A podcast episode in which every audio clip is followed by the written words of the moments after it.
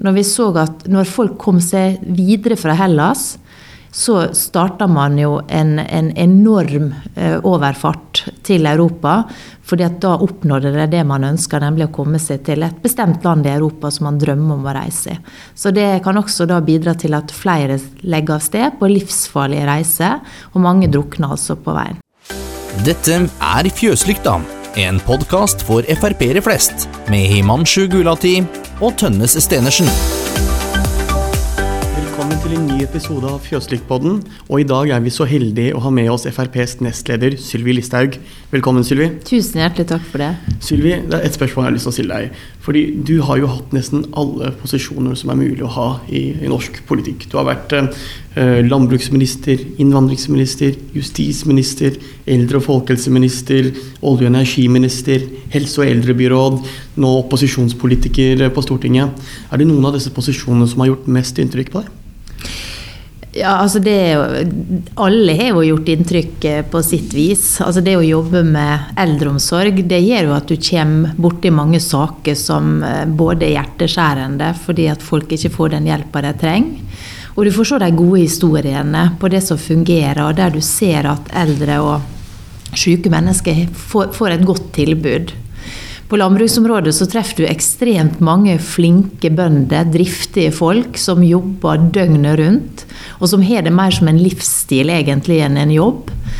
Eh, og fikk se mange kriker og kroker av Norge som jeg ikke hadde vært i før, og kanskje heller ikke hadde besøkt hvis ikke det hadde vært for den jobben. Innvandringspolitikk er jo utrolig viktig. og Det som gjorde mest inntrykk, var jo når jeg var ute av Norge og besøkte flyktningleirer og så ja, hvilken, hvilk, hvordan de levde der. Eh, og det gjorde veldig inntrykk på meg når jeg da fikk vite hvor lite penger de egentlig har til å gi et tilbud til de som, som er i flyktningleirer i Afrika eller i Midtøsten eller andre steder, kontra hva det koster å ta mennesker til Norge. Så da skjønte jeg at dette er jo ikke riktig. At vi bruker så mye penger på å ta noen få hit, i stedet for å hjelpe de mange der. Mm. Um, og ja, så, så, mange inntrykk. Jeg kunne snakka sikkert hele programmet om det. Men du, jo, eh, du er jo kanskje av mange sett som Frp-sjela, den som er tydeligst i Frp, og snakker eh, det mange Frp-velgere tenker. Samtidig har du hatt alle disse posisjonene i styring, i posisjon, kanskje flere enn noen andre. Hva syns du er morsomst eller, eh, eller, mest effektfullt? Det å sitte i posisjon, eller det å sitte i opposisjon, som vi gjør nå? Det å sitte i posisjon er veldig bra så lenge du får gjennomført politikk. Og det opplevde jo Fremskrittspartiet spesielt de fire første åra i regjering.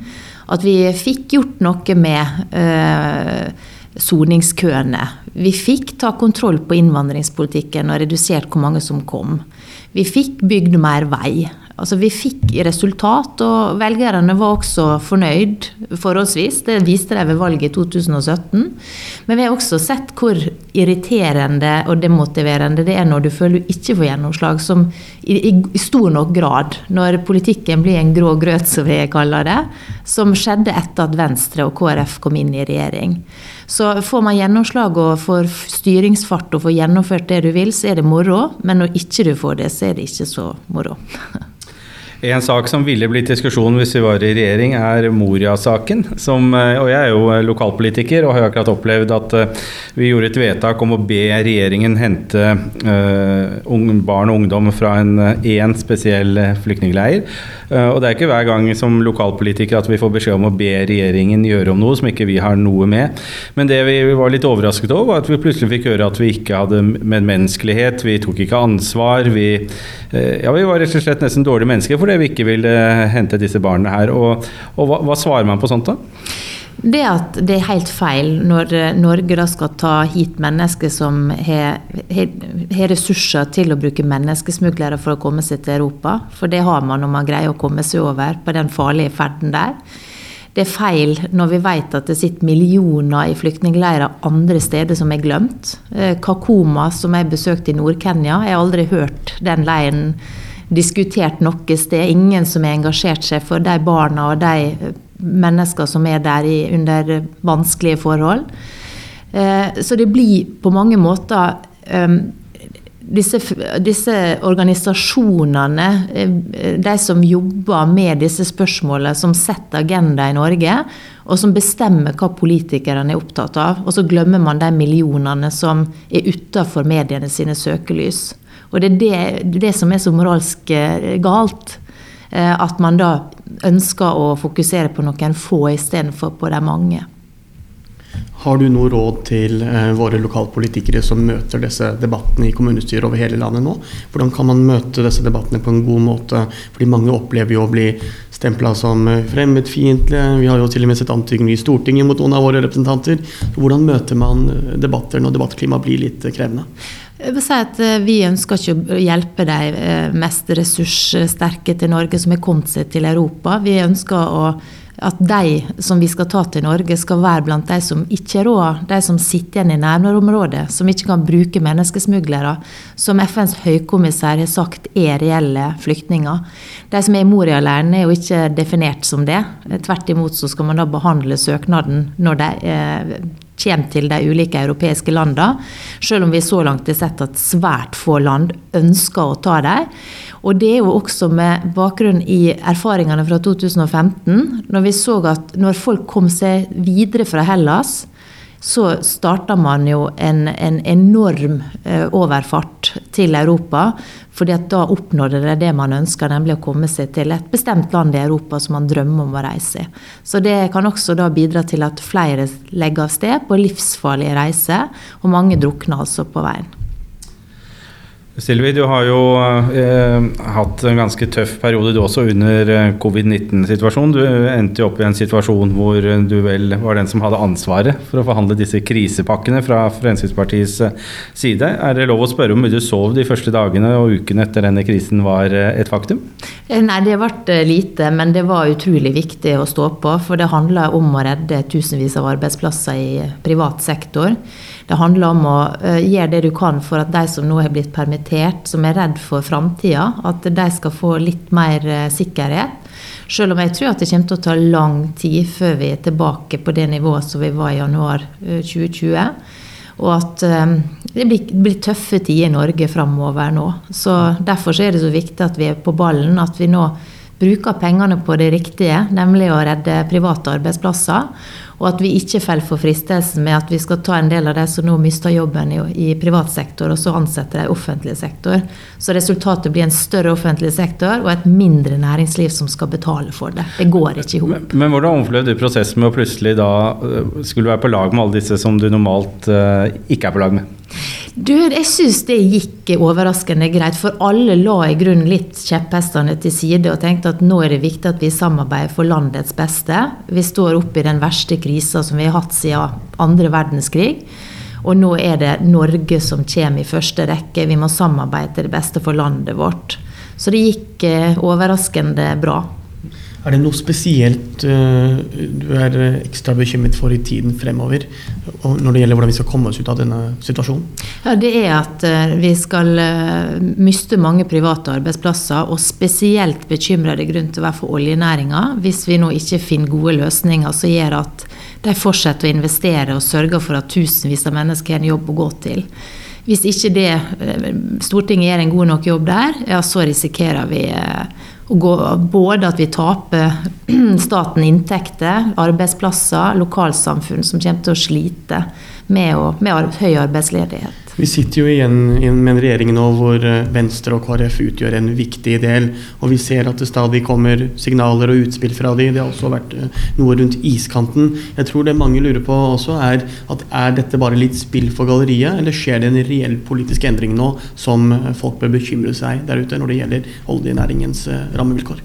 Ja, Det mener jeg det er gjort lenge. At det er mange som, som ønsker å legge ned oljenæringa. Det er jo vår viktigste eh, pengemaskin. Er brakt enorm rikdom til landet som gjør at vi nå kan bruke hundrevis av milliard kroner uten å ta opp lån, som de fleste andre land må. Eh, og, og, det er en sånn tro på eh, at eh, oljen ikke trengs lenger. Selv om alle som eh, kjenner til dette, her sier at det, det kommer de til å gjøre i mange mange år framover. Verden kommer til å trenge olje. De kommer til å trenge norsk olje. Og hvis man er opptatt av lavere utslipp, ja, så bør man jo heie på norsk oljeproduksjon. Fordi vi har lavere utslipp enn veldig, veldig mange andre land. Så det eneste som taper på å legge ned oljen, er Norge. Det er gjennom både inntekter, arbeidsplasser og distrikter som kommer til å forvitre. Men hvordan står dette seg i Stortinget, egentlig? For sånn utenfra så virker det nesten som det er bare Frp man kan stole på når det gjelder oljepolitikken og verne om oljenæringen? I hvert fall så er det eneste vi som tør å si at vi er stolt av oljenæringa. Vi ønsker at den skal ha gode rammevilkår videre. Og så er vi også for at vi skal få til en grønnere verden og, og teknologiutvikling. Eh, men politikere kan ikke vedta det. Det skjer gjennom at eh, firma eh, utvikler ny teknologi på skuldrene av den teknologien som allerede finnes. Og det er sånn vi har drevet på i Norge i alle år. Vi har jo en stor krise der ute, men for veldig mange så er også hverdagen ganske grei. Eh, man er heldigvis ikke syk, eh, det går greit hjemme, og man føler at eh, man ikke lider så mye under krisen som mange andre. Har du noe råd til, til folk? Hva, hva slags rolle kan vanlige folk gjøre for å gjøre veien ut av krisen litt lettere for landet og samfunnet? Jeg tror at nå er det viktigste at vi gjør det vi kan for at dette her skal, skal altså Smittespredninga, at den ikke kommer ut av kontroll igjen. At vi nå sørger for å få motorene i samfunnet mer i gang igjen. F.eks. helsevesenet. Nå er det viktig at de som har fått utsatt undersøkelser, operasjoner, som kanskje er litt bekymra for at de er vondt et eller annet sted, men de har ikke villet belaste helsevesenet. Nå må dere gå til legen og undersøke. Sånn at vi ikke ender med at folk mister eh, livet av andre sykdommer fordi de ikke tør å gå til legen eller de ikke får den hjelpa de trenger. Vi må få helsevesenet i gang igjen. Det er noe av det aller viktigste. Vi har jo hver dag eh, sett eh, pressekonferanser fra regjeringen klokka fire med, med, ulike statsråder. Er det noen du vil gi ros til? Noen som har imponert deg under denne krisen? Nei, altså jeg syns at det, det, i håndteringa har vært grei, den. Eh, men etter hvert så har nok det sett mer og mer ut som en sånn type medieshow. og det har nok mange etter hvert også begynt å reagere på her på Stortinget. Eh, men eh, så langt så syns jeg at det har gått ganske greit. Og så har Stortinget måttet ha tatt jobben med å plusse på kraftig de pakkene som er kommet til Stortinget, for de var altfor dårlige i utgangspunktet. Eh, og så er det mange som nå er utålmodige etter at vi må komme litt i gang igjen på eh, å åpne opp landet, sånn at vi kan redde flere arbeidsplasser. Du er jo en av Norges mest kjente politikere, uten tvil. Men jeg føler at det ikke er mulig å ha et nøytralt forhold til deg. De fleste enten elsker deg eller hater deg, for å si det rett fram. Hvordan er det og hvordan føles det? Og føler du at du kanskje er litt misforstått noen ganger i måten du blir fremstilt på av, av mediemotstandere? Det er klart det at de ønsker å framstille meg i et verst tenkelig lys. Men jeg har alltid vært opptatt av å stå for det jeg mener er riktig, og være en tydelig politiker. Det er jo mer enn nok av de politikerne der man har problemer med å skjønne hva de egentlig sier. Og jeg ønsker ikke å bli en sånn politiker. Da skal jeg heller finne meg noe annet å gjøre enn å bli sånn som så, eh, sånn så det. Helt til slutt, eh, Sylvi. Hva tenker du selv er veien for Frp videre nå fram mot et nytt stortingsvalg osv.? Vi er nødt til å være tydelig, og så er nødt til å være gjenkjennelig. Og så er nødt til å tørre der andre tider, sånn som oss alltid har gjort. Vi kan ikke være lik alle andre partier. Det er jo det som har gjort at Fremskrittspartiet har, har vært der og har vært ønska. At vi har vært noe annet enn alle andre. Og det er vi nødt til å være videre også, ellers så stemmer folk på andre partier. Mm. Så vi må være tydelige i helsepolitikken, innvandringspolitikken. Vi må bygge veier og stå på for å fjerne bompenger, eller redusere mest mulig det. Og så tror jeg den viktigste saka inn mot 2021 kommer til å bli å sikre at folk har en jobb å gå til. Og da kan ikke vi gjøre det ved å blåse opp offentlig sektor og ansette alle som nå mister jobben der, men ved å stimulere til at folk bruker egne penger og skaper arbeidsplasser. Og da må vi heie på dem, og ikke omtale selvstendig næringsdrivende som nærmest kjeltringer og tjuvpakk, som jeg syns at ofte venstresida har en tendens til. Det har ikke de fortjent, rett og slett. Men her tror du noen vil samarbeide med oss etter det, eller er, bør ikke det være noe tema eller noe man bør tenke på om man skal tilbake i regjering, eller om man skal da fortsette å være Frp sånn som man er? Er, fram til noen eventuelt da syns at du er ok å samarbeide med igjen?